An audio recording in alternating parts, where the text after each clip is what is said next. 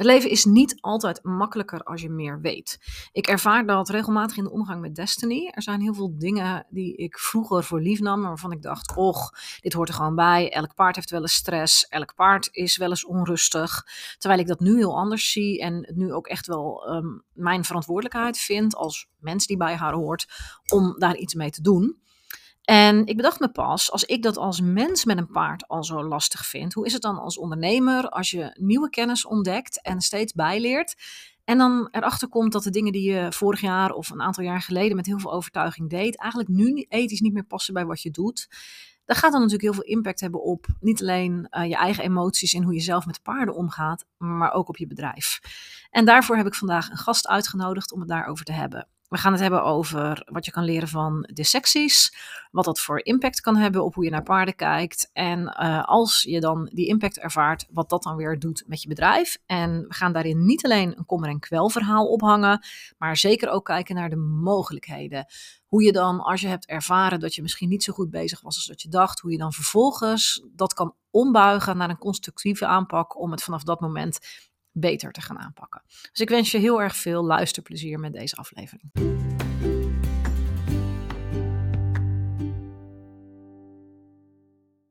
Super tof dat je luistert naar alweer een nieuwe aflevering van de Hippische Ondernemers Podcast. Uh, vandaag heb ik um, ja, een aflevering waarvan ik denk dat die heel veel impact op je gaat hebben. Misschien ook wel een beetje emotioneel gaat zijn. Het is voor mij in ieder geval een onderwerp waar ik best veel over nadenk en best veel mee worstel.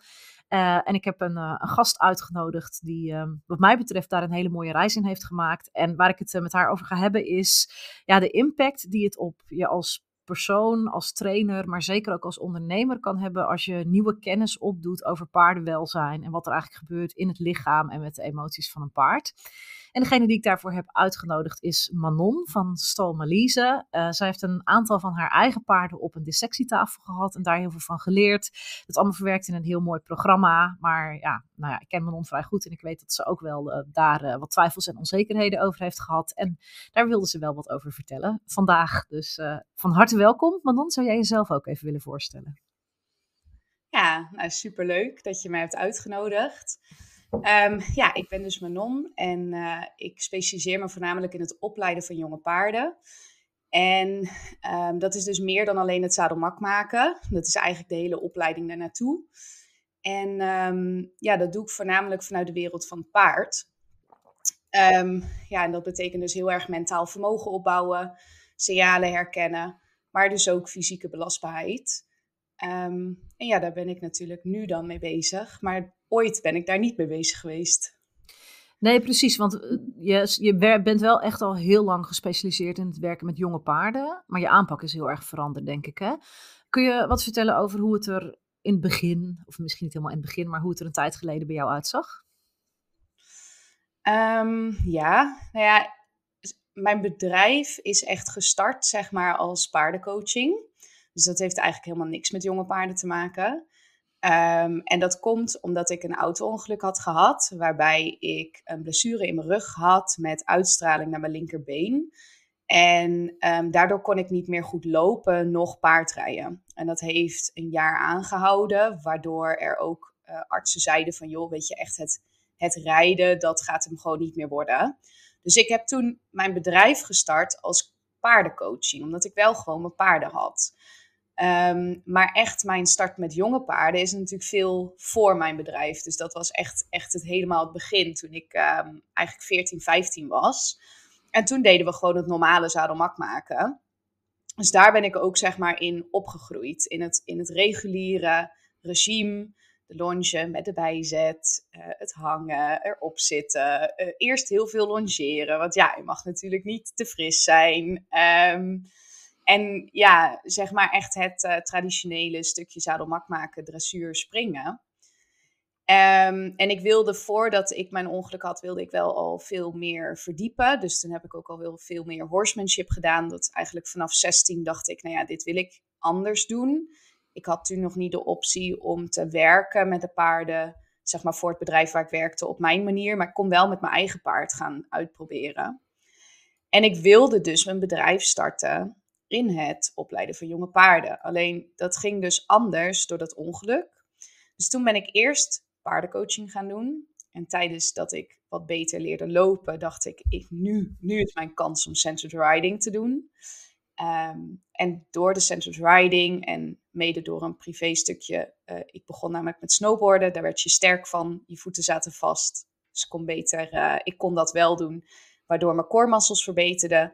Toen dacht ik, samen met het centered riding, waar het rijden beter door ging, en mijn spieren die beter gingen, dacht ik, ja, nou ja, ik ga toch weer in de jonge paarden. Um, ja, dat is eigenlijk een beetje mijn start, zeg, zeg maar. Ja. Het is een beetje, een beetje chaotisch, maar dat is ook letterlijk hoe het is geweest. Dus ik kan het Zo... bijna niet... Ja. Zo gaan die dingen. Ja, je probeert dus iets en dan probeer je iets anders. En dan komt er weer iets op je pad en dan ga je weer een andere kant op. Ja. Dus, maar je komt dus echt wel uit het... Uh, nou ja, uh, jij was 14, 15, ga jij er maar op zitten. Want als jij eraf stuitert, dan stuiter je nog terug omhoog. En dan ben je niet gelijk helemaal kapot. En op die leeftijd durf je veel. Dus echt uit dat hele traditionele. Ja. ja. wij deden het echt wel, wel echt heel traditioneel, ja. Ja. Ja, en ik zat nooit als eerste op de jonge paarden toen. Omdat wij gewoon een stalruiter hadden. Dus ik heb echt wel al het voorwerk... Uh, ik moest dan alle paarden longeren. En ja, soms echt wel heel erg lang. Zeker als we een paard hadden wat niet zo fijn meewerkte. Um, en dan hem natuurlijk vasthouden en, en dat. Dus ja, ik kom wel echt uit de meest vind ik eigenlijk, niet de meest traditionele, maar ik kom wel echt uit een hele harde wereld. Ja. En ook wel uit de sport. Ja. En nu, want het is heel anders inmiddels. Ja, dat is echt niet te geloven. Ik kan dat eigenlijk zelf ook af en toe niet eens bevatten. Dat ik denk, hoe, hoe is het ooit, zeg maar, zo... En ik ben ook heel blij dat het is gebeurd. Want nu voel ik me veel dichter bij wat ik wil en waar ik ooit voor gemaakt ben, zeg maar. Ehm, maar ja, ik, ik heb uh, eigen paarden gehad natuurlijk. Want ik wilde heel veel. En die paarden had ik dus al ook voor het ongeluk. Daar ben ik toen wel een beetje mee gaan paardencoachen. Maar dat was dan één oudere Mary en drie jonge paarden. Waarvan één Jazz Mary.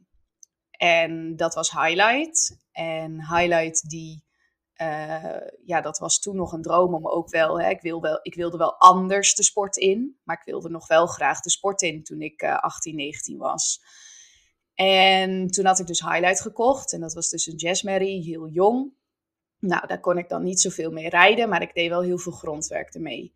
En eigenlijk met haar ben ik een beetje gaan zoeken van ja, weet je, wat zijn er eigenlijk allemaal voor methodes wat betreft mentaal? Want ik was nog helemaal niet bezig met rijden. Ik was nog helemaal niet bezig met, met dat stuk, zeg maar. Dus het was echt alleen maar het grondwerk. En um, bij haar kwam ik er eigenlijk achter dat heel veel gewoon voor haar, zeg maar, niet zo goed werkte. En um, daardoor uiteindelijk ben ik wel met haar gaan rijden, toen ik natuurlijk zelf ook beter werd dat is dan prima gelukt met de grondwerkskills die ik van toen had. Alleen tijdens het rijden kwam ik nog steeds tegen spanning aan. Ik liep nog steeds met haar er tegen dat ze bepaalde bakranden niet door wilde. Dat ze op bepaalde momenten wel of geen spanning had. Het was heel erg moeilijk voor mij om te begrijpen waar komt nou eigenlijk die spanning van haar vandaan. Um, en daarbij uh, ik was natuurlijk traditioneel opgevoed, dus ik dacht, ja, weet je, daar komen we wel uit. Die spanning, dat, dat komt wel, weet je, daar moet je gewoon af en toe ook een beetje doorheen misschien rijden. Ik zat ook nog heel erg in een proces van, ja, nou ja, oké, laat maar. Maar Highlight, dat was gewoon echt een geweldige merrie. Maar ook heel eerlijk, dus op een gegeven moment begon zij te stijgeren. Um, en, en dat kwam eigenlijk op het moment dat ik haar een schouder voor vraagde. Omdat ik toen ook wel al dacht van nou misschien komt die spanning uit, uit de balans van het lijf. En dus ik was al wel meer met het lichaam bezig. En toen, um, toen dacht ik ja dan moet ze rechter lopen. Dus toen zette ik even de schouder uh, recht als het ware. Maar dat, uh, dat ging voor haar niet. Dus toen kwam ze omhoog. Nou, toen heb ik ook nog een heel proces gehad waarbij ik dacht, dan ga ik weer grondwerken, want dat is de oplossing, want het is gewoon spanning. nou, dat was het dus niet. Ehm, en toen ben ik eigenlijk, uh, toen dacht ik, ja, weet je, als het rechtrichten niet werkt, als de spanning niet werkt, als de, alle kennis van de klassieke dressuur niet werkt, als het allemaal niet werkt, dan, dan weet ik het ook niet meer. Dan, dan vind ik geen methode, dan moet ik maar gewoon gaan leren bij het begin. En dat is het wezen paard. En zo ben ik eigenlijk bij equine studies gekomen. Ehm, en daar heb ik dan de biomechanica cursussen gedaan. En op een gegeven moment dus ook in 2018 mijn eerste dissectie. Ja, even voor de luisteraars die het niet kennen. Ik onderbreek je even, sorry. Equine Studies is het bedrijf van Savanja, Savanja Vermeulen. En die is heel veel bezig met ehm, ontledingen van paarden, biomechanica van paarden. Hoe werkt zo'n lijf nou eigenlijk? Hoe zit dat allemaal in elkaar, hè? Ja, ja, en de dissectie is dus een ontleding ehm, van één kant van het paard vaak. Uh, en dan dus ehm, kun je daarbij zijn. Nou ja, voor mij was dat echt de volgende stap. Van ja, weet je, nu wil ik echt weten wat er in het lichaam zit. Nou, ik zie dat altijd, die eerste dissectie zie ik altijd als mijn eerste baksteen. en ik bedoel een baksteen met baksteen tegen je hoofd. Weet je wel, van oh ja, nee, top, ik kan het allemaal. We gaan biomechanica leren, cool. En dan zie je het voor je en dan denk je, oeh, oké. Ehm, oké. En uh, door die eerste dissectie ben ik dus ook wel echt veel meer gemotiveerd geraakt om echt meer te leren. Want ik dacht, ho even, zo ziet het er helemaal niet uit in het anatomieboekje. Hmm. Even wachten hoor. En, en dat was um, niet een paard wat jij zelf persoonlijk kende? Toen nee, die eerste dissectie was uh, van Sanneke. Zij was volgens mij 24 jaar oud, 22 zoiets, maar wel een oudere Mary. Um, dus die had ook wel veel schades. Maar het was voor mij gewoon echt heel bijzonder. Want ik dacht altijd van ja, als je dan anatomie leert, dan heb je de botjes, de spieren. Ja, dat weet je allemaal wel. Dat leer je uit het boekje. Als je dan voor je ziet, dan is het opeens levendig. En dat klinkt misschien gek, want ja, het paard is overleden. Maar het hele verhaal van dat paard, wat in het leven zich vorm heeft gegeven via gedrag. Dus wat deed het paard, wie was ze, hoe voelde ze zich, wie, ja, wie was zij? Komt eigenlijk al die missende puzzelstukjes komen tot leven in een dissectie. En dan merk je pas, hé, hey, nu uh, is je stem als het ware compleet. Dus het voelt nu alsof ik alles van je stem weet en doorga. Dus voor mij, ik kende dat paard niet persoonlijk. Um, voor mij was het sowieso interessant. Uh, heel fijn. Maar vooral heel erg die anatomie. Dat ik dacht, oké, dit is anders dan in het boekje. En daardoor werd ik dus ook gemotiveerd om meer te leren van Savanja. Um, en ook veel meer over het paard. Want ik had nog steeds Highlight thuis staan. En Highlight deed nog steeds niet uh, het plaatje. En het voelde nog steeds niet goed met haar. Dus toen ben ik eigenlijk met Highlight verder gaan zoeken in het medische stuk. Nou, daar kwam uiteindelijk ECVM uit. Um, nou, dat is een uh, malformatie van de lage hals. Zij had C6 en C7 dan. En dat heeft haar uiteindelijk ook zo uh, beïnvloed in het lijf dat ik met haar niet verder ben gekomen. Maar door haar en door die uh, ontdekkingen werd ik, dacht ik eigenlijk: oké, je kan dus alle methodes doen die je wil. Maar als je de basis niet hebt, als je niet begrijpt wat er in het lijf zich kan afspelen, dus kan afspelen, hoeft niet, maar kan. En als jij niet begrijpt hoe dan het precies in elkaar zit, dan kun je nog zo goed je methodes doen, maar dat betekent niet dat het voor dat individuele paard gaat werken. En dat was voor mij als trainer heel belangrijk. Want ik ben natuurlijk wel gestopt met die paardencoaching. Want ik dacht, ja, hallo, uh, ik kan weer rijden. Zoek het even uit. ik ga gewoon lekker mijn ding doen met jonge paarden weer. Dus ik was ondertussen ook gewoon een trainer weer. En van jonge paarden. En ja, dan loop je als trainer ook wel tegen dingen aan. Dat voor bepaalde paarden bepaalde dingen niet werken. Um, en dan is het belangrijk om die onderliggende kennis te hebben. Dus dat was voor mij heel fijn. En vanuit haar ben ik eigenlijk. Um, uh, nou, ik, ik was, mijn reis stopte dan met highlight. Maar ik kwam een ander paard op mijn pad tegen. Want ik wilde toch, toen was ik volgens mij 20, zoiets. Ik wilde toch heel graag. Um, ja, ik was volgens mij wat ouder, maar ik ben echt heel slecht in tijdlijnen. dat is echt niet oké. Um, maar ik kwam een ander paard op mijn pad. En dat paard dat heette Balans. En met balans wilde ik nog de sport in. En die eigenaar die zei, ga lekker haar in trainen, neem haar. Jij hebt wel een klik met haar, ik niet. Dus ondanks dat ik wel het lijf beter leerde kennen, kon ik toen nog niet zo goed de link maken tussen gedrag en het lichaam. Dus ik had nog wel in mijn hoofd van, nou weet je, dit paard heeft wat gedragsproblemen, maar loopt prima, komen we wel uit. Hè, ik zat nog een beetje in de, kunnen we wel fixen hoor. Ja. Dus je, hebt, je hebt één paard op de tafel gezien en je denkt, maar die was 22, deze is jong. Dus zal nou, misschien niet zitten, maar daar kunnen we juist wel omheen trainen. En het is ook een stuk gedrag. Hij moet zich ook maar een beetje gewoon gedragen.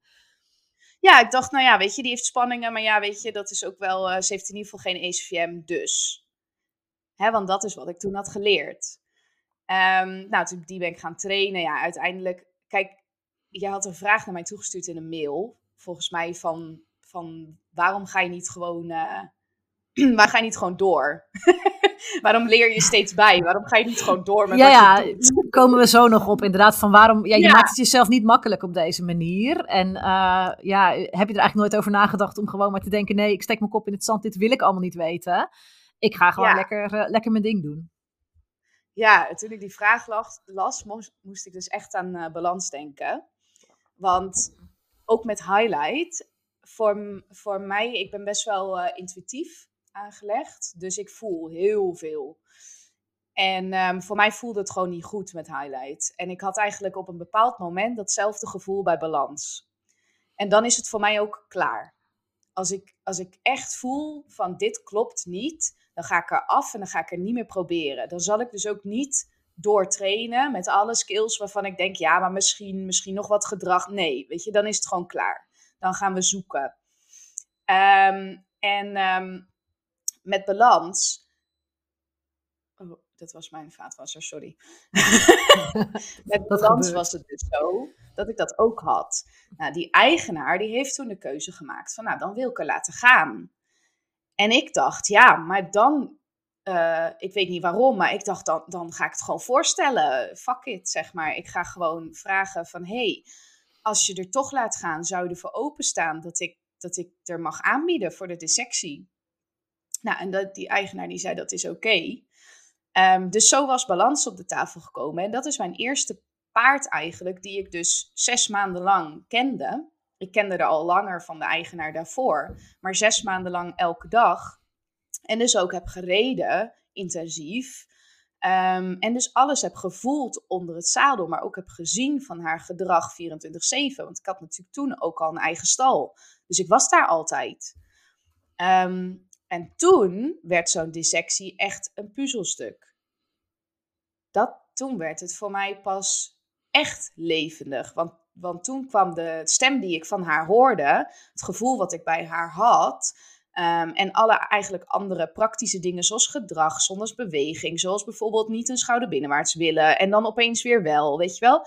Die dingen die kwamen toen echt tot leven, omdat we haar lijf konden bekijken. Dus um, ja, daar, dat was eigenlijk dan mijn tweede baksteen. Ja, het lijkt me heel um, intens. Ja, die was wel, die was wel um, uh, heftig, omdat balans ook 12 was. Dus dat was voor mij alweer een ander paard dan Sanneke. Um, en dat was ook wel ergens heel erg intrigerend.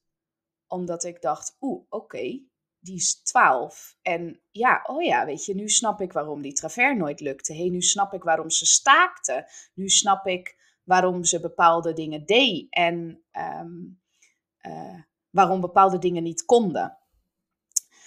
En balans was dan mentaal wel vrij stabiel. Ze had wel veel spanning, maar bijvoorbeeld in de groep of zo, of in haar eigen leven was ze vrij stabiel. Dus daar was nog niet een linkje voor mij nog steeds naar stress, het lijf. Maar wel al van, hé, hey, wat gebeurt er dan in het lichaam um, als we bepaalde oefeningen doen? En als die dan niet kunnen, of als een paard staakt, wow, wat zou er dan eigenlijk wel niet in het lichaam kunnen zitten? Dus dat, um, dat was voor mij echt een stapje naar, zeg maar, nog meer. Hm. Ik hou gewoon niet op. Het is echt verschrikkelijk. Het, het, wordt nog veel erger, lieve mensen. Het wordt nog veel erger. Ga je even zitten? Hey, wat is, Manon, wat is jou vooral bijgebleven uh, aan input vanuit het live van Balans? Wat, uh, wat was de grootste eye-opener? Um, ja. Nou, Balans had haar ribben gebroken. En dat gebeurt eigenlijk vrij vaak. Um, dus die had gewoon één hele kant van vrij veel gebroken ribben. En ze had uh, echt wel heel erg veel aangegroeide wervels in haar uh, lendenwervels. en uh, veel halsartrose. Dus haar hele wervelkolom was eigenlijk niet beweegbaar. Wat voor mij dus een hele grote. Ehm, ja, want ze, ze zag er heel beweegbaar uit. Dus ze kon wel buigen. Alleen bepaalde oefeningen kon ze dan niet. Dus het was voor mij als trainer ook een beetje tricky. Want ik dacht, ja, maar ze ziet er zo soepel uit. Was ook een Mary. Ze is zo vrij en zo soepel en zo verend. Dus waarom kan ze dan niet gewoon die travers? Want ze kan hem op de grond of ze kan hem zelf. Dus wat maakt dan dat ze hem niet kan? Als ik het vraag of als ik hem een bepaalde kant op doe of als ik net te veel ga. Dus dat was voor mij echt van, oh ja, weet je, dat puzzelstukje past in wat we letterlijk zien in de botjes.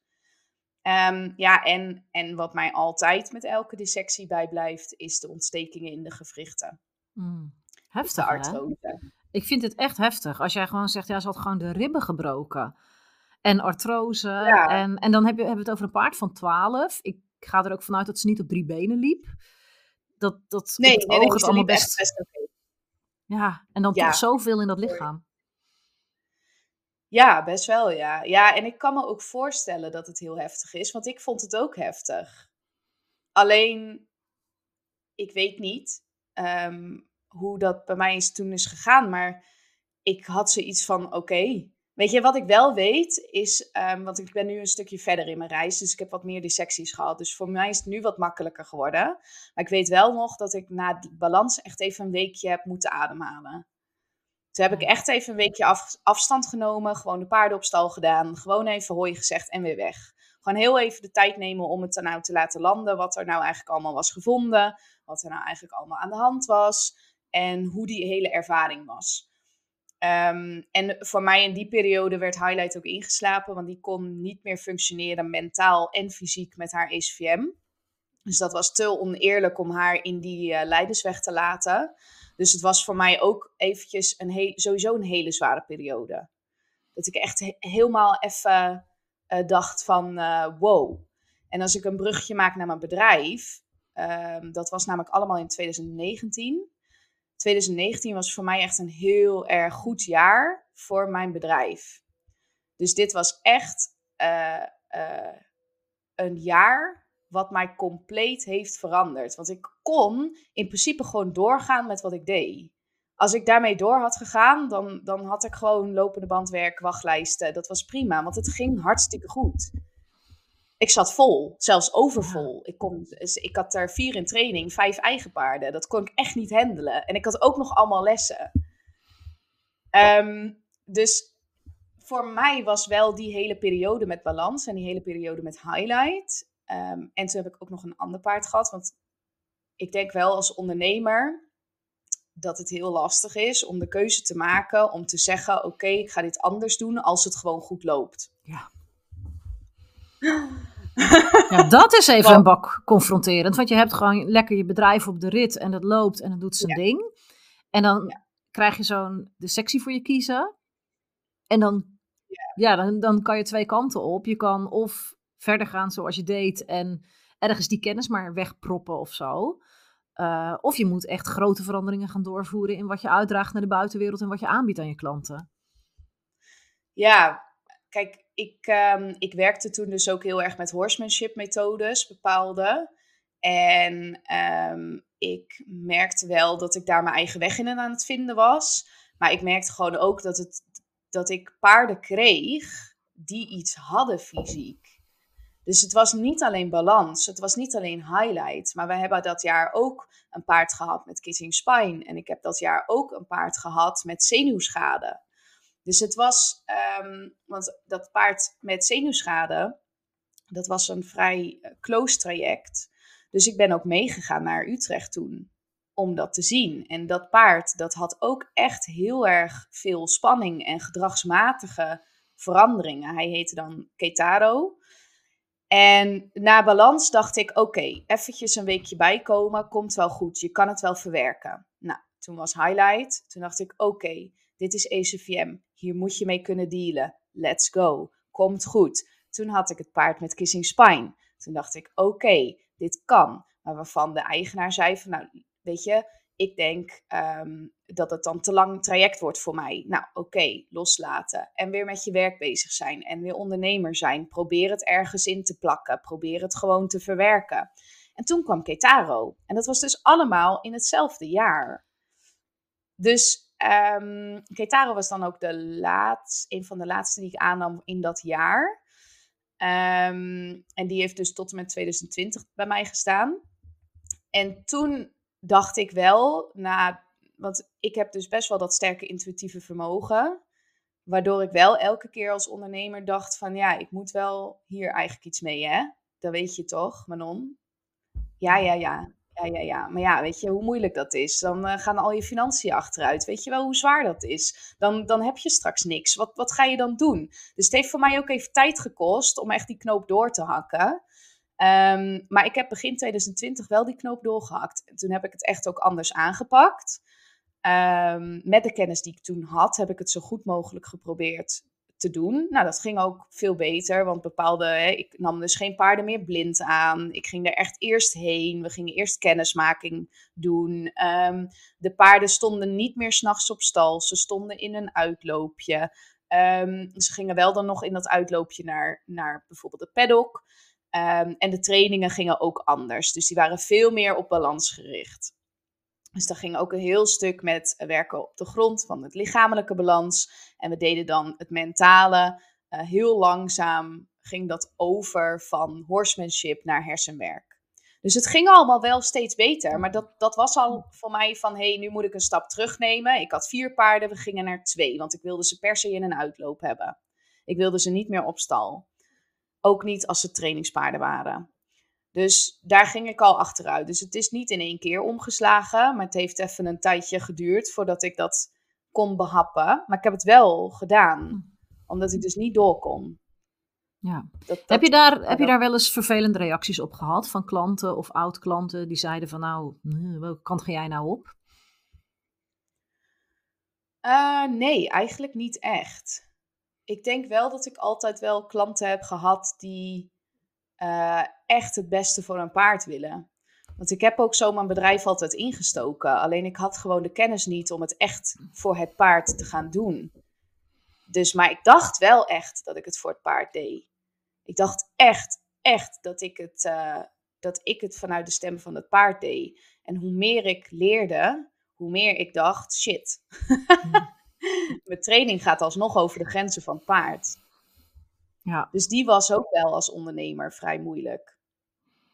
Ja. En ehm, ja, ik, ik denk vanaf 2020 dacht ik echt, dit ga ik gewoon helemaal anders doen. En toen, toen heb ik ook nog eventjes uh, tijd moeten hebben voor mezelf om dat ook nog helemaal een beetje te belichamen, zeg maar. En toen rond 2021 heb ik echt de knoop doorgehakt. En zo doe ik elk jaar steeds meer. En nu voelt het alsof ik doe wat ik hoor te doen. En daarbij gaan dus ook echt de uh, processen lopen. Want vanaf 2021 dacht ik ook, ik ga een online programma starten. Um, zodat ze altijd mijn lessers een theorieboek achter de hand hebben. Zodat ik altijd al die theorie ook kan uitleggen. Gewoon in het online programma. En dan lekker mijn ding kan doen in de lessen. Dus zo heeft het voor mij ook een beetje een uh, bepaalde reis genomen, zeg maar. Ja, want je gaat ook andere dingen verwachten van je klanten natuurlijk. Die, die moeten meer uh, ook jouw kennis gaan overnemen. Waar je een, een jaar of vijf geleden misschien nog wel kon zeggen van... hé, hey, ik leg jou uit hoe je het moet doen en dat is oké. Nu verwacht je wel van klanten dat, ze, dat die ook gaan begrijpen wat er in dat lichaam gebeurt. Ja, en toen uh, begon het eerst echt met uh, begrijpen van signalen. Want ik kwam er dus echt achter dat um, heel veel gedragsmatige dingen gewoon uit het lichaam komen. En dan heb ik het over de grote gedragsmatige dingen die wij als traditionele mensen zien, zoals bokken, stijgeren, rennen, bladibladibla. Maar uiteindelijk zag ik ook dat de details ook uit het lijf kunnen komen. En nu ben ik zover dat dus ook uh, bepaalde spanningen, dus ook met het zenuwstelsel, dus dat ook weer terug naar het lijf te maken hebben. En dan gaat het meer over het interpreteren van de, zin, de zintuigen die hun ding doen, de prikkelverwerking die hun ding doet. En dan in combinatie met biomechanische klachten die bijvoorbeeld de prikkelverwerking kunnen verminderen. Zulke dingen. Maar dat was wat ik nu doe, is eigenlijk ten opzichte van een paar jaar terug op een heel gedetailleerd niveau en heel erg zorgvuldig. Terwijl ik een paar jaar terug gewoon zei, ja hoor, kom je paard mee in training, we trainen hem, ik leg je uit hoe het moet en dan kun je hem meenemen. Ja. Zie je ook een verschuiving in het soort klanten dat je aantrekt? Definitely, ja, zeker. Zeker. Ik, ehm, dat is eigenlijk ook fijn. Want ik heb altijd mijn klanten heel erg gewaardeerd. Ehm, en ik denk ook echt dat iedereen het beste voor zijn paard wil die bij mij komt. Alleen, uh, ik denk wel dat je een soort een mate van openstelling voor je paard zijn stem moet hebben. En ook een bepaalde mate van compromis kunnen sluiten. Uh, zodat jij kan werken naar dat waar je echt naar verlangt. Want mijn klanten van nu, die verlangen naar connectie met hun paard. Naar een plezierig leven samen. Naar iets waar hè, het gevoel dat je paard het ook leuk vindt wat je doet. Dat zijn mijn klanten van de laatste twee jaar. Um, en de klanten daarvoor, die hebben dat ook, maar die willen eigenlijk ook hun doel hebben. En daar is niks mis mee. Dat mag. Dat is helemaal compleet los. Alleen voor mij om mijn werk goed te doen, is het belangrijk dat de kern naar boven kan komen. Dus wat kunnen jullie beiden met plezier doen? Waar kunnen jullie beiden met plezier naartoe werken?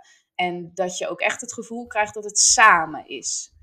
Niet meer, uh, volgens mij zei gisteren een klant van mij, die zei, uh, sinds ik met jou werk, is het niet meer een monoloog, maar een dialoog.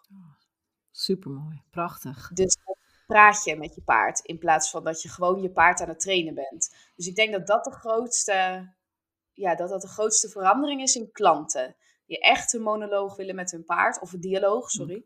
Um, en echt samen willen gaan kijken van, oké, hey, als we de realiteit zien, in hoeverre kunnen mijn dromen uitkomen? In hoeverre kan ik mijn paard een verrijking toebieden in zijn leven? Ja, want dat, want dat is natuurlijk altijd een beetje... Um ja, dat, nou, dat is gewoon waar ik mee worstel. Dat ik denk, hoe meer ik weet, hoe meer ik geneigd ben om te denken, ja, ik doe wel helemaal niks meer. Want uh, het is allemaal zo zwaar en er is zoveel kapot en ze hebben het zo moeilijk. En het gedomesticeerde leven is al zo lastig voor ze. En dan zijn ze ook nog gefokt met allerlei issues in hun lichaam. En nou, nu voor mij is ook gewoon wel een paar keer onderuit gegaan op de poetsplaats. Dus hij zit natuurlijk van alles en die heeft in de draad gehangen als veulen. Uh, en ik ben dan heel snel geneigd om te zeggen, um, nou, uh, better safe than sorry. Ik blijf er maar gewoon van af en ik kijk er gewoon alleen nog maar naar. Maar daar laat je ook al kansen liggen natuurlijk. Ja. Ja, en ik zal niet liegen, dat heb ik ook wel gehad. Weet je, ik heb ook nog Rooney daarna gehad. Die heb ik zes jaar gereden. En daarna Kryptonite, die heb ik zelf gefokt op de tafel. En toen heb ik ook echt wel een week daarna nog steeds gedacht van... Oké, okay, uh, error, 404, zeg maar. Even terug naar de basis. Alleen, ondanks dat er heel veel schades in het lijf kunnen zitten, betekent het niet dat het leven van een paard niet meer kan doen wat het gewoon kan doen: leven. En voor een paard vind ik dan, hè, dus dit is wel even mijn, mijn visie.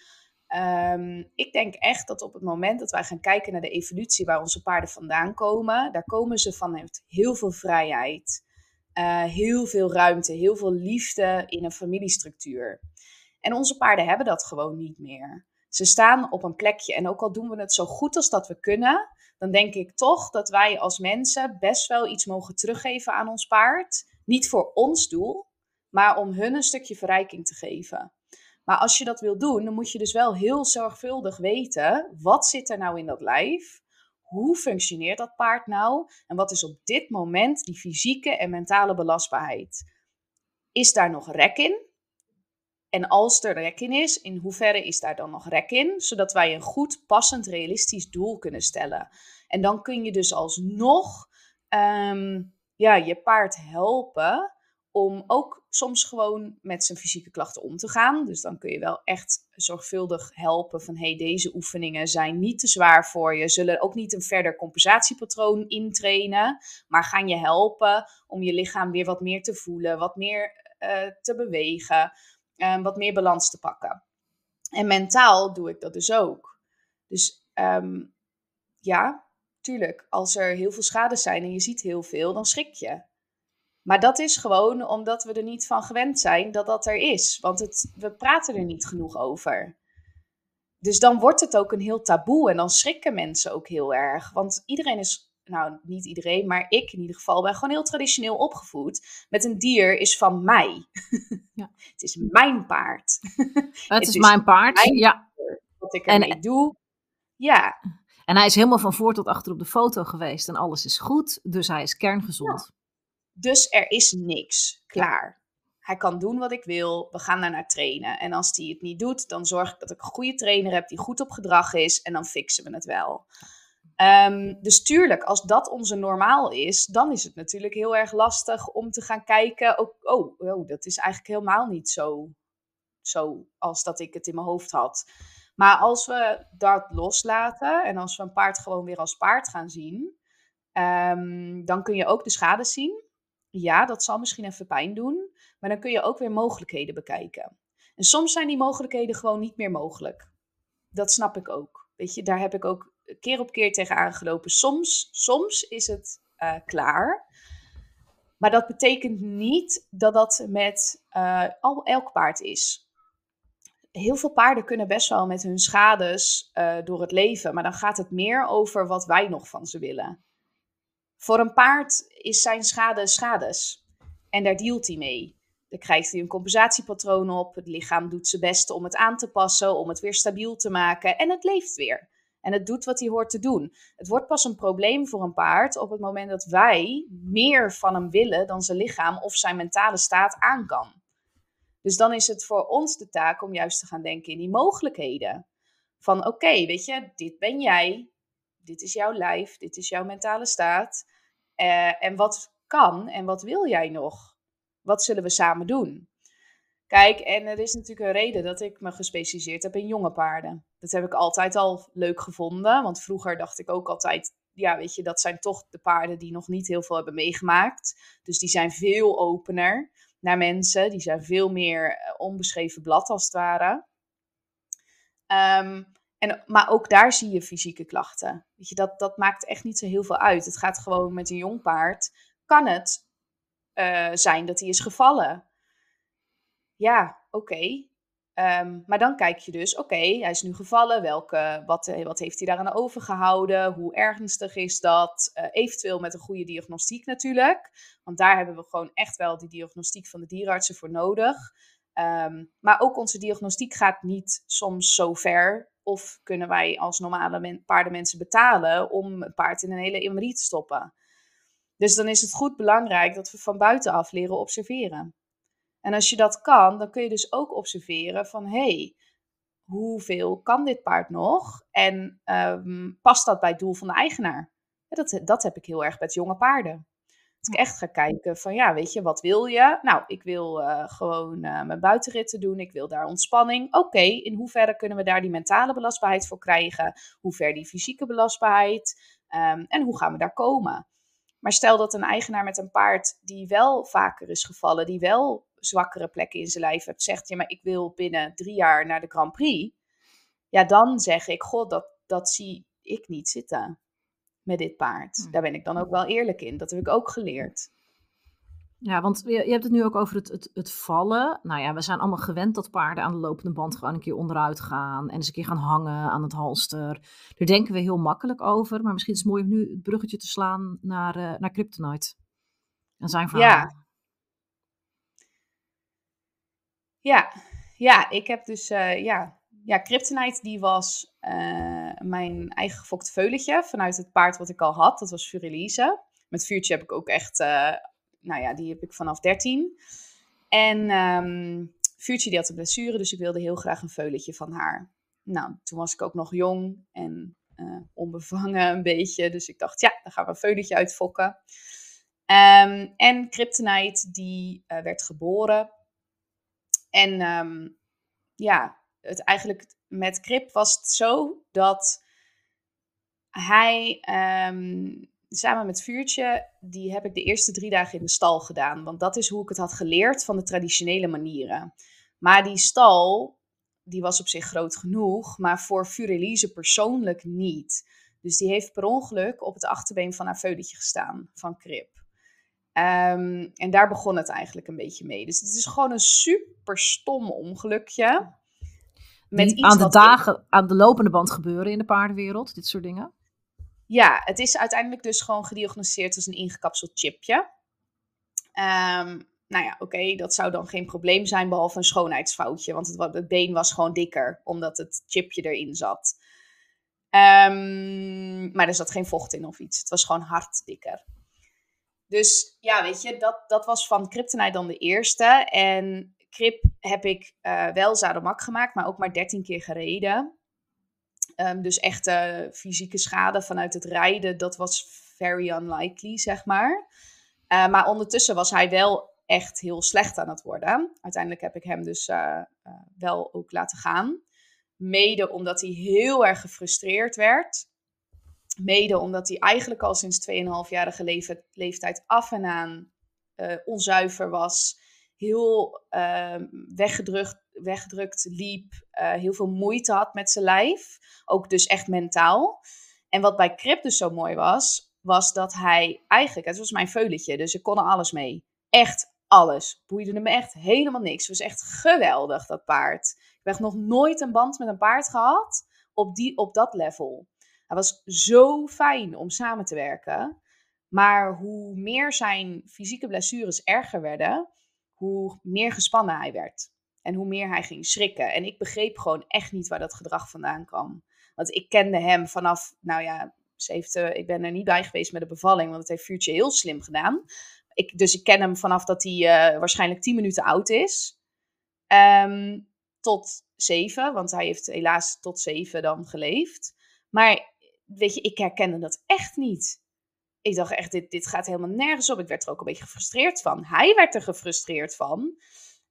Um, dus dat was eigenlijk mijn, mijn um, stukje spanning even nog ertussendoor waar ik echt wel de laatste baksteen voor mij, die voor nu even genoeg is geweest, even heb gedacht van, oh ja, weet je, op het moment dat er fysieke klachten zijn, voelt een paard zich zo onveilig in zijn lijf, dat er ook echt mentaal heel veel onveiligheid kan ontstaan. En dat kan uh, helaas bij sommige paarden ook echt heel heftig zijn. Dus Krip voelde zich op een gegeven moment ook niet meer veilig, gewoon in zijn eigen lijf, in zijn eigen paddock, met genoeg hooi.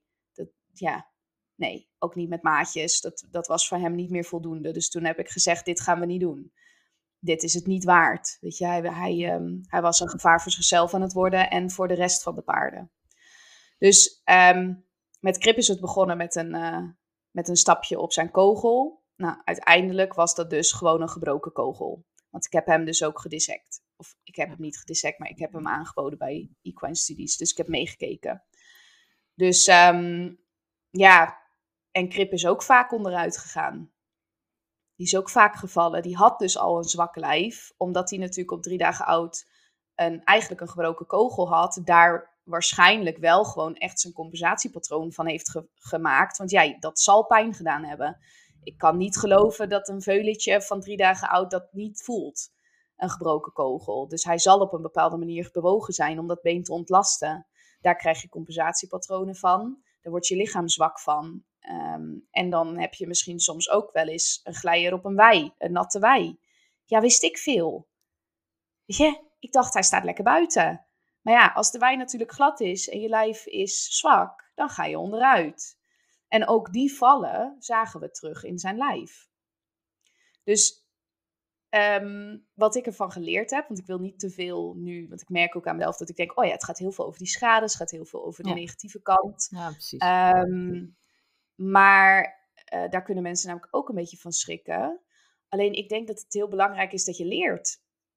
Hij heeft geleefd uh, voor een reden, vind ik altijd.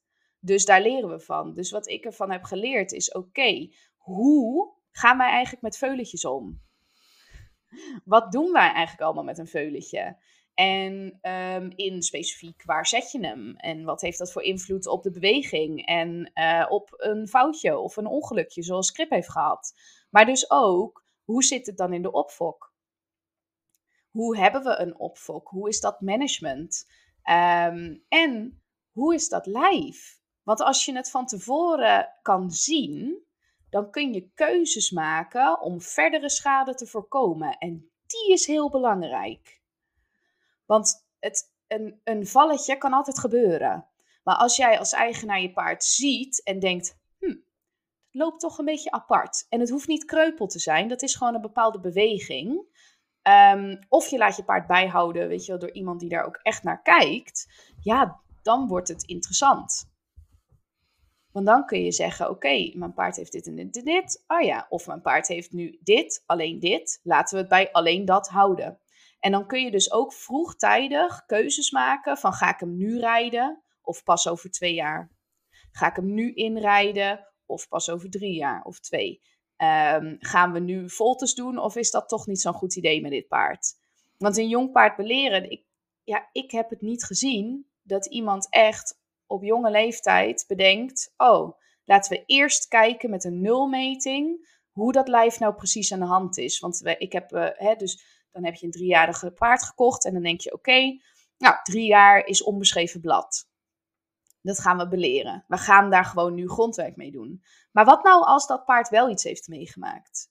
Wat nou als er nou wel iets in het lijf zit? En dan kom je dus pas achter, heel veel jaar later. Of wanneer er iets fout gaat in het beleerproces.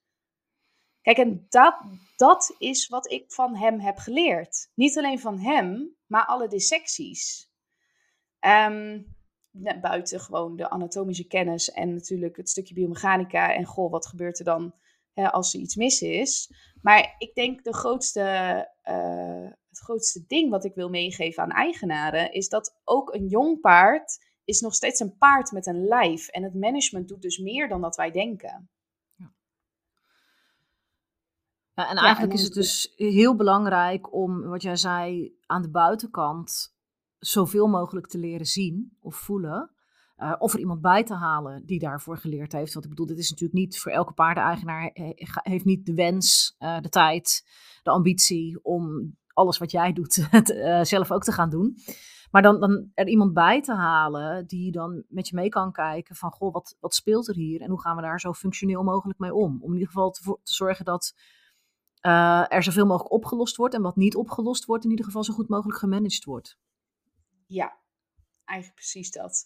En voor mij, weet je, wat ik gewoon zie, is um, dat we toch uh, met jonge paarden gewoon echt zonder die nulmeting veel te snel dingen doen. Zoals voltes, korte rondjes, inbuigen, uh, wijken voor druk. Dus dat de achterhand weggaat of de voorhand weg. Die eigenlijk onbedoeld te veel druk zet op het lijf. Dus die kennis is er sowieso. Dus dat geeft sowieso heel veel druk op het lijf. Maar ja, als jouw paard natuurlijk iets heeft, dan kan net die oefeningen het lijf eigenlijk zwakker maken dan sterker. Dus daarom ben ik ook overgestapt naar veel meer mentale trainingen.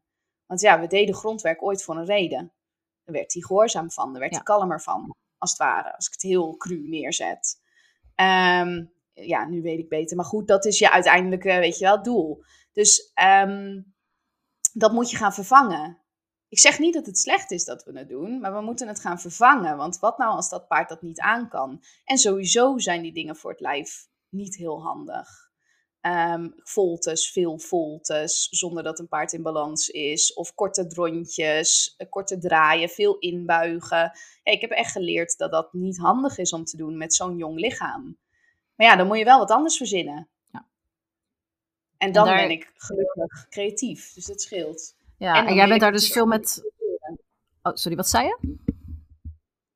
Um, en dan wil ik natuurlijk veel leren. Dus dan, ja, moet ik wel, uh, omdat ik zoveel leer, kom ik ook langs andere technieken.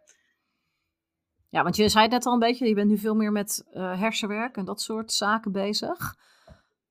Ja, dus um, ik heb voor mezelf eigenlijk met alle, alle informatie een paar dingen dus uitgesloten uit de trainingen.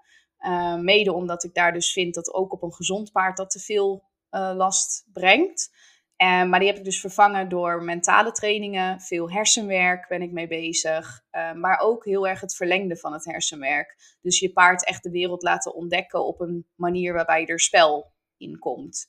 Um, en dan zijn de signalen dus ook heel belangrijk. Want soms is het nog best lastig om te zien: is het nou spel of is het spanning? Dus daar ben ik wel echt een specialist ondertussen in. Omdat ik echt gewoon niet. Uh, weet je, ik wil een bepaald doel. Dus dan moet ik dat ook kunnen behalen. Dus dan moet ik ook de signalen kunnen zien van hé, hey, wanneer klopt het nou met wat ik aan het doen ben? Of wanneer is het toch nog wat spannend voor een paard? Um, en ik heb dus wel een aantal, ja, ik doe eigenlijk bijna geen grondwerk meer. En dan bedoel ik met grondwerk, bedoel ik dus uh, horsemanship grondwerk. Dat doe ik niet meer. Ja, dan hebben we het over het verplaatsen van de achterhand, uh, de voorhand, achterwaarts, uh, voorwaarts en dan weer achterwaarts. De, de, de noodstop. Kleine rondjes. Ja. ja. die noodstop inderdaad, dat doe ik allemaal niet meer. Um, ik doe ook niet meer het loswerken op de roundpen. Um, uh, ik doe ook niet meer met de vlag, weet je wel, dat soort dingen. Uh, ja, je kunt een vlag gebruiken, dat kun je ook weer op verschillende manieren gebruiken. Uh, maar dat zou dan een object in mijn spel zijn, in plaats van een horsemanship methode. Hmm. Dus ik ben daar wel echt heel erg anders mee omgegaan. En de laatste twee jaar heb ik dat dus gedaan. Um, en daar ben ik gewoon heel erg rap mee, mee ontwikkeld. Omdat ik ook heel fijn mensen heb die daar uh, heel fijn mee samenwerken. Dus ik heb gelukkig ook veel paarden waarmee ik het kan uh, uitproberen, als het ware. En mezelf nog verder kan ontwikkelen. Um, en dan merk ik gewoon wel dat we het eigenlijk ook niet echt nodig hebben. Het heeft niet zo heel veel meerwaarde, alle gehoorzaamheidstrainingen. Mm. Sommige wel, Um, maar als we het vervangen door methodes die wat vriendelijker zijn voor het hoofd en voor het lijf, dan is het eigenlijk best wel te doen, ook zonder. En dan zie ik eigenlijk mm. meer fijne resultaten en betere resultaten dan dat ik ooit heb gezien met de paarden en de trainingen die ik heb gedaan. Want we hebben het net even gehad over wat, wat doet het lichaam met de emotie. Dus uh, niet lekker in je lichaam zitten is spanning en stress. Ervaar jij dat het ook andersom werkt? Dus als je paarden mentaal sterker maakt, dat ze daardoor juist fysiek ook stabieler worden? Wat ik vooral merk is op het moment dat een paard mentaal beter wordt, zullen er minder ongelukken gebeuren. Dus dan zal een paard minder snel uh, heel veel rennen in de wei, minder snel dus een sliding stop in de wei maken of iets anders, of uitglijden of whatever. Um, dat merk ik. Maar ik merk bijvoorbeeld ook dat op het moment dat zij mentaal weerbaarder worden, dat ze stabieler in de groep worden. En dat heeft ook weer impact, want als ze stabieler in de groep zijn, dan hoeven ze veel minder uh, hebben ze veel minder verstoord gedrag. Um, ja, dan moet je natuurlijk in het management ook heel wat voor doen. Maar goed, als we het echt alleen maar puur even over het mentale belastbaarheid hebben, dan heeft dat wel heel veel effect op, op hoe een paard met zijn lichaam omgaat. Want een paard met stress gaat echt niet nadenken of een korte draai handig is of niet. Nee. Echt niet. Weet je, dan zit je in overleven.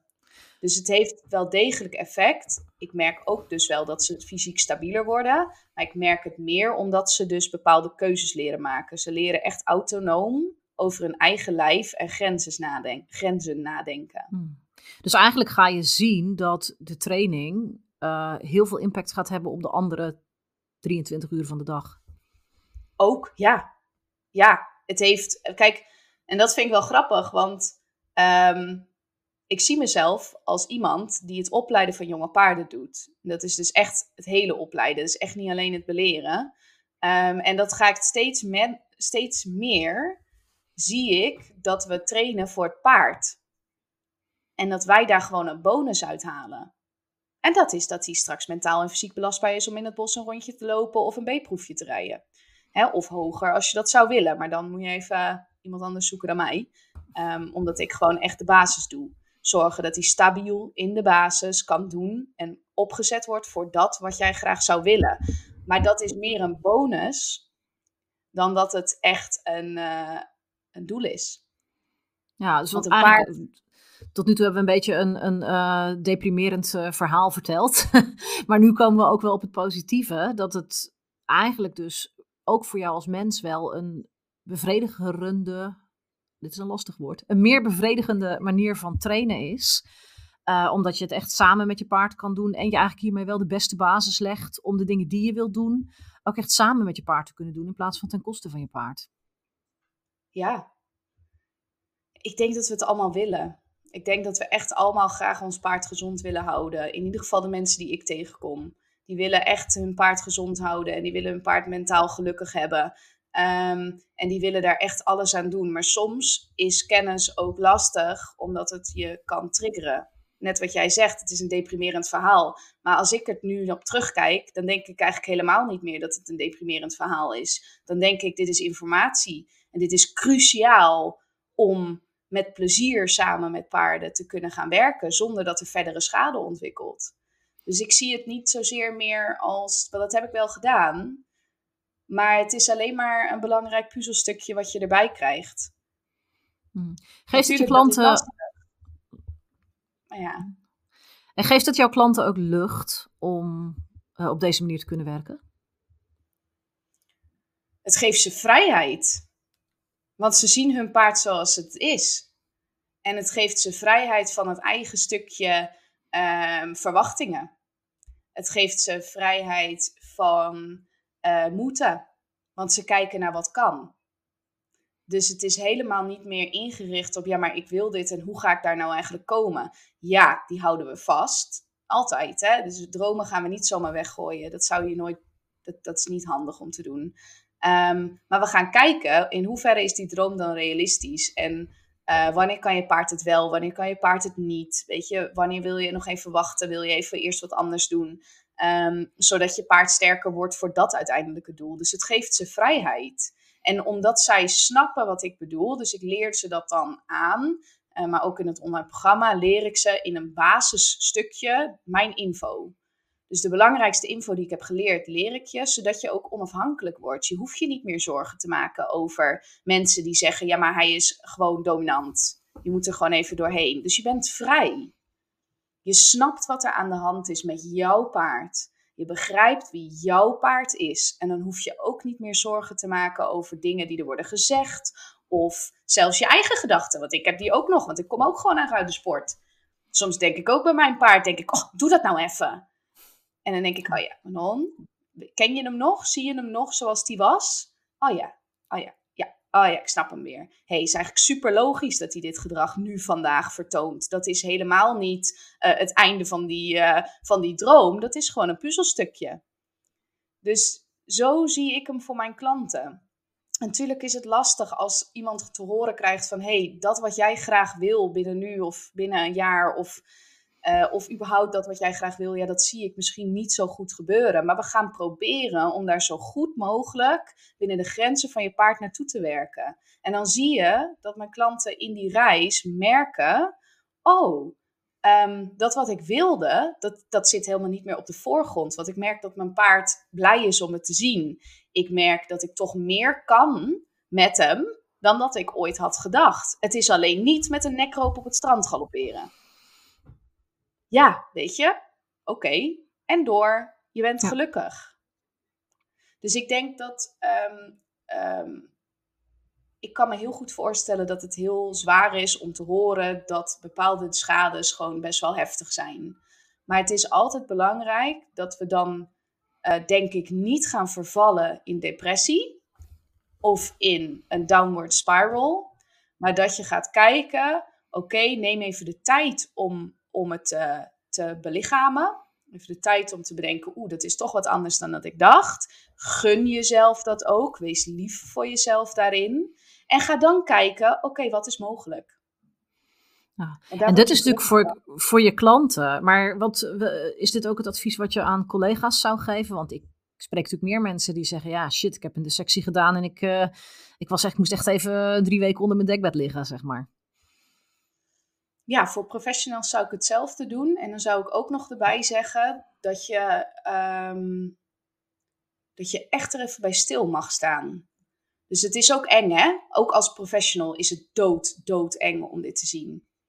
Ik heb echt, uh, dat is echt niet grappig. ik heb echt als professional, kijk, als eigenaar is het niet leuk. Maar als ondernemer is het natuurlijk al helemaal niet leuk. Want je hele livelihood is onzeker. Um, want jij doet iets waar je echt achter staat en je krijgt info waarvan je denkt, oeh, waar moet ik dat nou in godsnaam gaan plaatsen in mijn bedrijf? Dus als professional zou ik erbij zeggen, neem tijd. Neem even de tijd. Je hoeft niet alles in één keer te veranderen. Je kunt ook gewoon even doorwerken, maar voel of het nog past wat je doet. En waar zou je het dan eventueel kunnen aanpassen, zodat het voor het paard ook nog kloppend is iedereen heeft zijn sterke kanten. Iedereen heeft zijn sterke dingen en, en zijn, um, ja, zijn kracht. Het is gewoon belangrijk dat we denken dat de stem van het paard niet gaan verliezen. Hoe moeilijk dat ook is, soms. Want uiteindelijk doen we het daarvoor.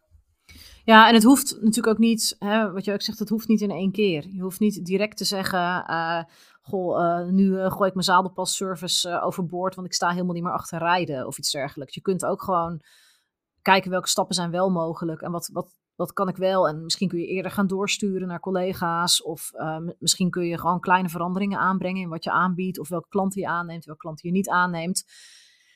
Ja, er hoeft niet van tussen vandaag en morgen alles op de schop. Nee, nee. En ik denk, voor mij is dat ook niet zo geweest. Ik heb wel het, het snel gedaan als ik terugkijk. Dan denk ik, oeh, dat heb je wel binnen vijf jaar zeg maar gewoon compleet omgegooid. Um, maar dat, dat, dat heb ik ook in fases moeten doen. Is het bij jou zo snel gegaan omdat je echt je eigen paarden op de tafel, of in ieder geval de paarden die je van heel dichtbij kent, op de tafel hebt gezien? Denk je? Ja, ja, en omdat ik echt een... Uh, Savanja komt gewoon niet van me af.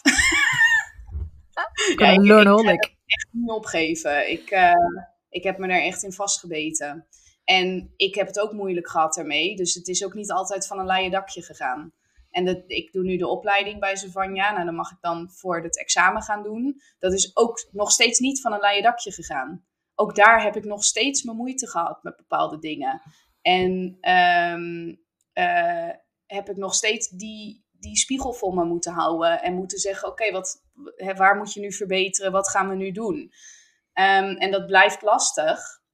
Maar voor mij is het wel zo snel gegaan, omdat ik alles van dichtbij heb meegemaakt. En ook meteen door ben gegaan. Het is niet dat ik een tussenjaar heb gehad. Ik heb gewoon ook continu paarden gehad op mijn pad. Die gewoon echt iets hadden. Echt ook serieuze dingen. ECVM, zware zenuwschade, uh, zwaar staakgedrag, um, ja, enorme slijtage. Uh, ja, ik, ik heb die paarden ook gehad. Dus ik heb daar ook, dat is mijn uh, blessing en een curse, zoiets. Ja. Ja, want heb je er nooit spijt van? Heb je nooit zoiets dat je denkt, had ik dat nou maar gewoon allemaal nooit gedaan? Had ik maar lekker gewoon uh, onwetend gebleven, mijn kop in het zand nee. en lekker doorgaan? Nee.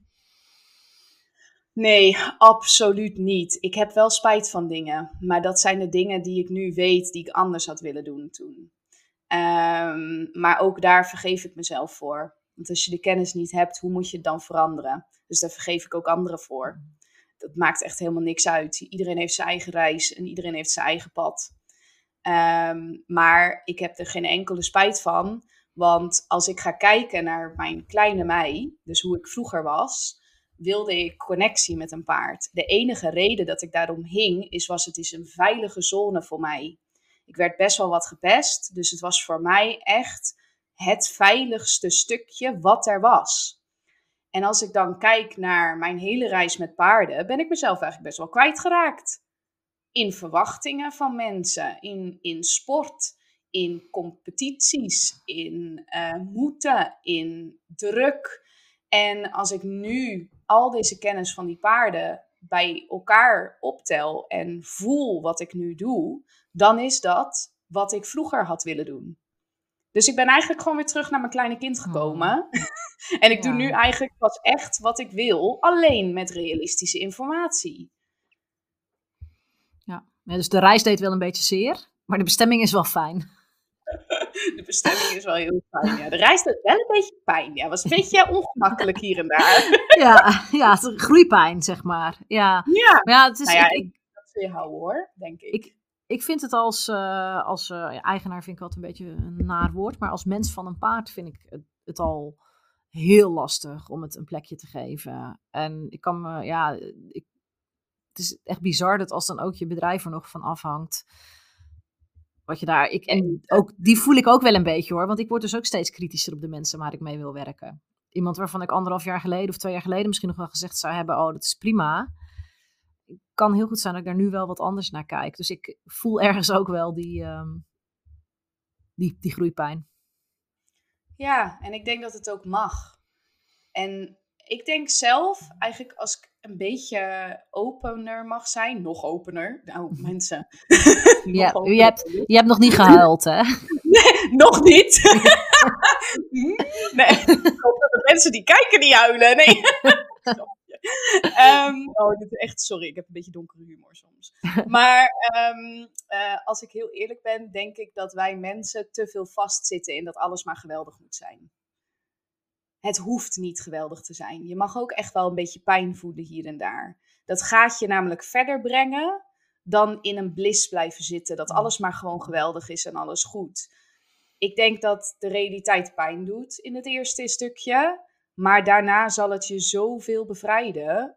Um, en als dat het niet doet, dan vind je iemand die je helpt om dat te doen. Want die mensen zijn er. Ik bijvoorbeeld, maar ook veel andere mensen die dit hebben meegemaakt. Die hun, um, ja, de realiteit een plekje hebben kunnen geven. Ja. En ik zal dat zelf ook nog moeten doen, want ik denk niet dat ik klaar ben. Dat weet nou, ik wat je, 100% zeker. Ja, wat je natuurlijk net ook al zei, een tijdje terug, is we, we praten er eigenlijk gewoon te weinig over, denk ik. We, we zijn allemaal maar, eh, we roepen allemaal hoe fantastisch het gaat en wat we weer bereikt hebben en eh, hoe leuk het is om nieuwe kennis op te doen. En dit hele stuk, dat je soms gewoon keihard twijfelt aan wat je met je paard doet, wat je in je bedrijf doet. Uh, de, ja, de, dingen die confronterend zijn. Ik denk dat we daar wel echt veel opener in mogen zijn naar elkaar. Ja, en het helpt ook voor ondernemers om te horen dat het ook voor een ander zwaar is. Maar wat niet helpt, is dan zeggen dat het zwaar is en er niks mee doen. Dat helpt niet. Kijk, het helpt, er, het helpt om erover te gaan praten en te kijken wat gaan we hier nou mee doen dan? Hoe gaan we nou het welzijn van paarden echt verbeteren? En uh, worden dat lastige stappen? Ja. Moet je soms compromis maken? Ja. Betekent het dat je alles uit, uit het raam moet gooien? Nee. um, betekent het dat je je ogen dicht moet doen? Nee. nee. Dat helpt niet, denk ik. Nee. En ik denk ook door die reis meer met elkaar te delen en daar opener over te zijn, juist door die herkenning van hé, hey, ik ben niet de enige die het wel eens zwaar heeft, kom je ook tot die volgende fase. Dan kom je tot de fase waar je het kan gaan integreren, waar je het kan gaan implementeren. Terwijl als je het in je eentje allemaal moet doen, dan blijf je heel makkelijk hangen in, in, in die wanhoop van oh mijn god, alles is een, een drama. Ja, en ik moet heel eerlijk zeggen, ik heb het best wel alleen gedaan, deze reis. Hm. Ik had wel graag gewild dat ik misschien van iemand wat meer had gehoord van, hey, hoe is het nou met je? En niet per se van uh, dat ze me uitleggen wat ik ermee moet doen. Zo van, oh, het komt wel goed of oh, je kunt de mogelijkheden wel weer vinden. Nee, maar gewoon dat het er even mag zijn. Dat het er gewoon is en dat we daarover kunnen praten. En um, ja, dat sommige schades heel lastig zijn om even mee te dealen. Want ja, ik ben nog wel bezig met um, zo en zo trainen. Dus ja, weet je, ik weet even niet hoe ik het daar moet inzetten.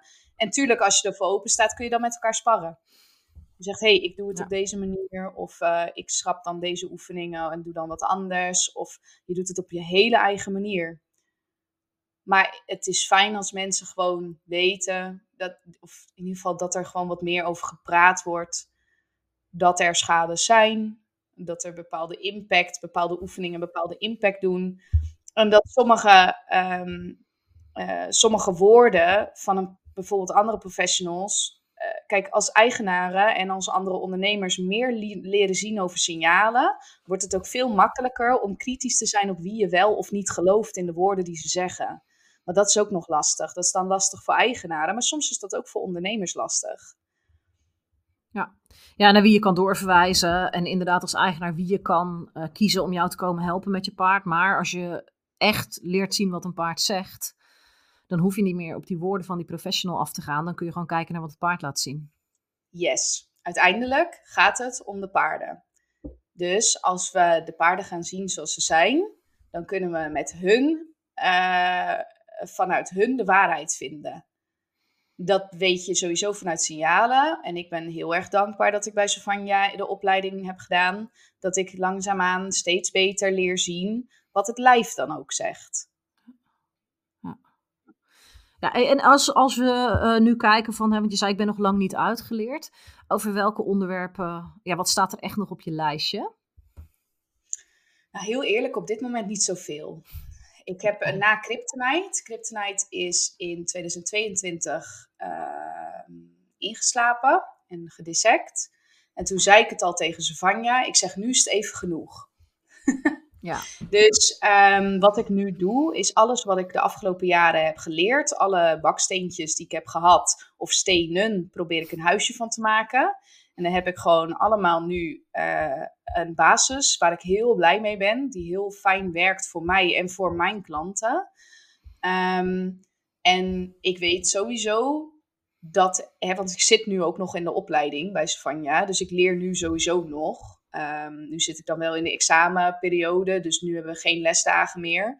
Maar ik weet sowieso nog dat ik veel van haar leer.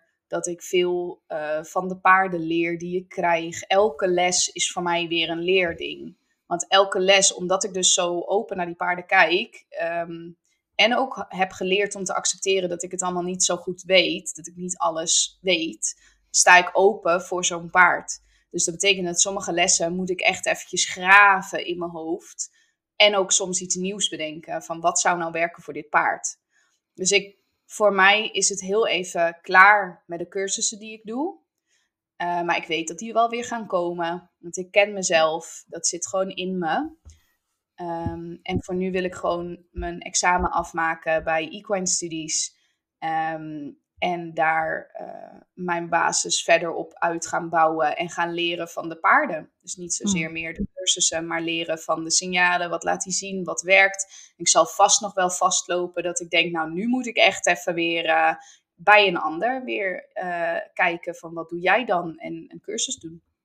Ja, dus eigenlijk nu gewoon lekker integreren. Ja, ik ben lekker bezig met, met mijn huisje bouwen. Ja, en natuurlijk al die mooie kennis doorgeven daar ben ik ook mee bezig. Want dat is wel uh, ook een reisje geweest. Van hoe ga ik dat dan uh, allemaal uh, in een behapbare vorm zetten voor een eigenaar. maar daar ben, ik wel, daar ben ik ook wel content mee nu. Met hoe dit allemaal gaat en waar het heen gaat. Ja, want vertel eens, je online programma ik heb dus een online programma, omdat ik dus merkte dat ik liever niet een theorieles wilde doen. Dus dat als ik bij mensen kwam, dat ik graag met de praktijk bezig wilde zijn. Maar voor eigenaren moet je daar bepaalde kennis echt wel voor hebben. Dus daar was mijn eerste insteek voor het online programma. En uh, het was in eerste instantie een heel beleer online programma, maar op dit moment is het voornamelijk om de mentale weerbaarheid van je paard te vergroten. Um, want dat is uiteindelijk voor mij echt de basis om ook fysiek te kunnen trainen. Want als een paard kan ontspannen, en dan heb ik het over hem, die hij kan ontspannen, dus niet het gedrag wat hij laat zien, maar echt dat hij zich goed voelt bij wat wij doen. Um, dan kun je hem ook uitleggen, hey, zou je misschien ook je lichaam wat meer in balans kunnen zetten? En dan ontstaat er dus echt een dialoog tussen jou en je paard van wat kan wel en niet. Dat was voor mij makkelijker dan een, een eigenaar alles uitleggen van wat ik zie. Het is namelijk makkelijker om gewoon de stem van je paard te volgen en te denken: kun je dit wel? Nee. Oh, oké. Ja. Nou, gaan een ander pad op. Dus dat, um, dat heb ik voornamelijk in het online programma. Dus heel veel de, zin, ja, de signalen. Wat zie je? Wat moet je ermee als trainer? Moet je er wel iets mee of misschien niet? Maar ook dus een heel stuk anatomie. En die achtergrond die ik dus heb geleerd van wat waren nou die belangrijkste punten daarvan voor een eigenaar om te weten. Mm. Um, en hoe kun je dat dan omzetten in welke oefeningen wel, welke oefeningen niet. Dus dat leg ik daar ook in uit. En dus de mentale weerbaarheid. Um, ja, en dat online programma is los te koop. Dus dat is wel in een groepering. Twee, twee keer per jaar op dit moment doen we dat. Um, nou, 1 oktober start dan de nieuwe groep. En uh, dan gaan we dus volledig online. Alleen, uh, ik doe het dus ook uh, in combinatie. Dus dan heb je een traject waarbij je lest en het online programma volgt. En ik heb een VIP-traject waarbij je dus lest, het online programma volgt en aansluitend, wanneer jullie er klaar voor zijn, het stukje beleren bij mij. Dus dat is echt bij mij op stal en dat is echt een VIP-traject. Maar dat doe ik dus ook eigenlijk niet meer. Ik, ik, ik, ik um, neem dus ook geen paarden meer aan bij mij op stal, zomaar. Dat is echt nu een heel traject, zodat je dus echt leert zien wat je hoort te zien, leert voelen wat je hoort te voelen. Je paard al heel veel in die mentale belastbaarheid trainen um, fysieke belastbaarheid opbouwen. En kijk, natuurlijk, als je het natuurlijk in het beleren spannend vindt, dan is het handig als ik er meerdere keren in de week bij ben. Dus dan kun je je paard in training zetten aan, aanvullend. Dus dat is echt een VIP-traject. Dus ik probeer echt... wel een beetje voor iedereen wat te vinden. Mensen die alleen online kennis met mij willen maken, kan. Mensen die graag een lestraject aan willen met mij en uh, die achtergrond willen hebben, kan. Maar ook mensen die al in durven gaan met mij en denken: ja, weet je, ik ga gewoon echt langere periode met haar trainen en aanvullend bij haar in training staan.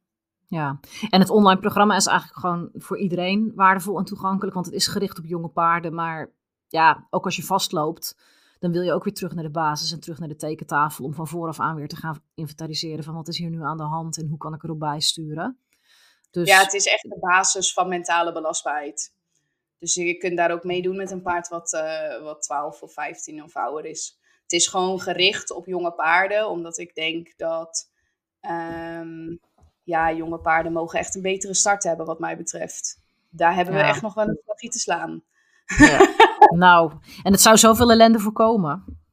Ja, dat is het ook. Ik denk ook echt, wat ik nu probeer is ook de reis die ik heb gemaakt, hoe moeilijk die ook is, ik wil hem ook wel besparen van mensen. Ze mogen wel de, de realisatie hebben, zeg maar, die pijn mag even. Maar het is ook wel goed om dan te weten, oké, wat ga je ermee doen dan?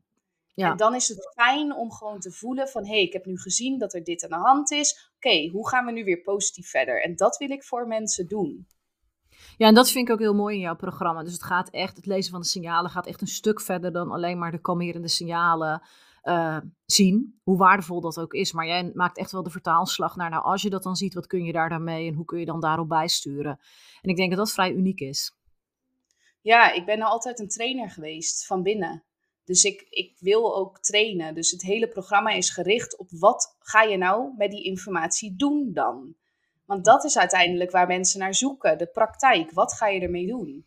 Het is leuk dat, iedereen, dat je nu weet dat er bepaalde schades kunnen ontstaan. Maar ja, oké, moet ik nu stoppen met trainen? Nee. nee, maar wat dan wel en hoe dan wel? En, ja, ja, wat ga je dan doen? Ja, en daar kan eigenlijk iedereen gewoon lekker zelfstandig mee aan de slag. Dan moeten ze alleen gewoon uh, flink wat tijd investeren. Op, nou ja, flink wat tijd. Ze moeten gewoon lekker aan de slag ermee. Ze moeten gewoon de, de kennis tot zich gaan nemen en dan, um, dan daar lekker mee aan de slag. En dan daarnaast dus de, de lessen die je doet. Uh, dat is dan voor de mensen die meer begeleiding willen, uh, ook meer willen investeren. En, en daarnaast heb je nog, uh, als het ware, ja, ik kijk natuurlijk altijd een beetje vanuit mijn ondernemershoofd. In je productpyramide heb je dan een mooi het online programma, wat eigenlijk voor iedereen heel leuk is. Daarboven heb je de wat exclusievere lestrajecten en zelfs dat hele exclusieve VIP-traject. En daaronder staan nog je gratis webinars, hè? Ja, ik doe dus ook wel vaker gewoon mijn gratis webinars. En ik wil ook nog wel een mini-cursus maken, zodat het voor mensen ook wat makkelijker is om te denken: ja, weet je, ik wil graag met mijn non aan de gang, maar ik ben nog een beetje bang, zeg maar, van nou, wat, wat ga ik dan precies leren? Wie is ze nou precies om dan een kleine mini-cursus gewoon goedkoop te hebben, zodat je even kennis kan maken met mij. Ja. ja. Ik wil en... namelijk wel ook dat mensen zich wel fijn voelen bij mij. Ik bedoel, zo'n heel online programma, je moet wel horen praten elke keer. Als je mijn stem vervelend vindt, dan... Ah, dan, dan, zijn ze nu al weg. Dan, dan, dan, dan zitten ze hier al niet meer. Nee. Nee, en, en um, uh, dus het online programma, daar start in oktober. Uh, eh, 1 oktober gaat hij als het ware open. Hè. Je kan hem wel nu al aanschaffen, maar dan gaat uh, eh, 1 oktober gaat de community als het ware open. Daar zitten er ook Q&A's bij. En um, de besloten face nee, in de Huddle een community heb je. Of heb je een besloten Facebookgroep ook? Ja, nee, ik heb in de Huddle een community. Ik weet nog niet precies wat ik ermee wil. Misschien dat ik een Facebookgroep wil, maar niet iedereen zit op Facebook. Ehm, en ik vind het ook fijn om het gewoon lekker besloten te houden op één platform. Ja. Uh, want mensen kunnen daar namelijk ook makkelijker filmpjes delen. Dus dan kunnen ze echt met elkaar praten van... hé, hey, mijn paard laat nu dit zien. Ja, wat denken jullie? Ja, en, dus, en die, die start uh, begin oktober. En volgens mij heb je daar nog een mooie aanbieding voor lopen. Ja, op dit moment zit hij in de pre-order. Ja. Dat is echt, uh, er zit echt 100 euro eh, korting op. Omdat ik dus dit voor de. Want ik heb hem dus uh, nog niet af. Ik ben, ik, hij is dus 1 oktober echt helemaal af. Um, dus hij zit nu ook gewoon nog als allereerste keer in de pre-order. Ja. Dus um, ja, ik zou nu als je zegt van nou weet je, ik wil wel leren van, uh, van Manon, dan zou ik dat nu wel doen. Want dat scheelt ook iets in je portemonnee. Ja, ik zou zeker even kijken als je interesse hebt. Want uh, ik heb natuurlijk aan de achterkant al een beetje mee mogen kijken erin. En het is, het is gewoon echt heel compleet en heel uitgebreid. En ja, de praktische vertaalslag is gewoon heel waardevol. Uh, dus ik zal de link echt direct naar de pagina van het programma zal ik ook in de omschrijving van deze aflevering zetten. Kunnen mensen direct klinken uh, klikken. Livestream je nu, nu na 1 oktober, dan kunnen ze zich op een wachtlijst zetten, denk ik. Hè, waar, dat jij ja. contact met hun opneemt als die weer open gaat. Als iemand dit later luistert dan, uh, dan oktober 2023, dan, zou, dan kan je kijken of je je wilt uh, opgeven voor de wachtlijst voor de volgende ronde. En ja. uh, heb je al een webinar gepland staan? Ik weet dat er wel wat aankomt, maar precies datum is die al bekend? Nou, de data staat er niet precies. Um, maar sowieso in, uh, even kijken, wat komt er? September. Sowieso in september zijn er twee gratis webinars. Ja, dus dan kunnen mensen die eventueel ook uh, uh, nou, dat is gewoon een kwestie van jou eventjes zich abonneren op jouw nieuwsbrief. Dan krijgen ze daar wel een mailtje over. Als je gewoon naar de site gaat. Je kunt zelfs al het e-book even downloaden. Als je denkt, nou, ik wil sowieso eventjes leren kennen. Dan kun je het e-book even downloaden. En dan sta je ook al op de lijst. Um, en dan, um, als je echt denkt, nou, ik wil het echt heel graag voor de, voor de volgende ronde. Dan kun je me altijd gewoon even mailen. Dat maakt me niet uit. Ik ja. hou ook wel gewoon van het persoonlijk contact. Ja, en sowieso zal op social media zal het ook voorbij komen als er, uh, ja, als er nieuwe webinardata geprikt zijn. Ja, zeker. Oké, okay. nou top.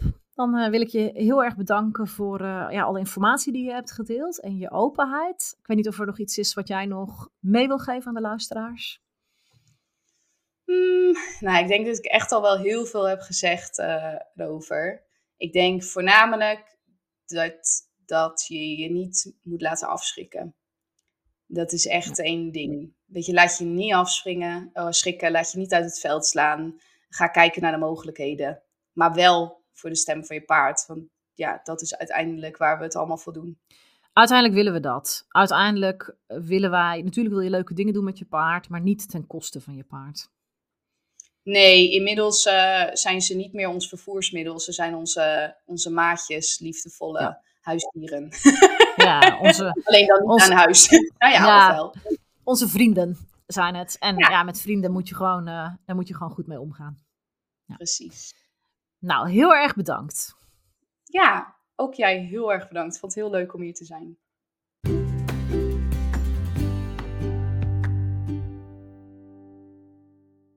Vond je deze aflevering waardevol? Laat het me dan weten. Dat kan door me een berichtje te sturen op Facebook of Instagram. Als je me wilt helpen meer paardvriendelijke professionals te bereiken, zou ik het enorm waarderen als je andere mensen vertelt over deze podcast. Stuur ze de link of geef een shout-out in je stories. Zo help je mij meer mensen te bereiken die zich inzetten voor paardenwelzijn en zo maken we samen de paardenwereld steeds een stukje mooier.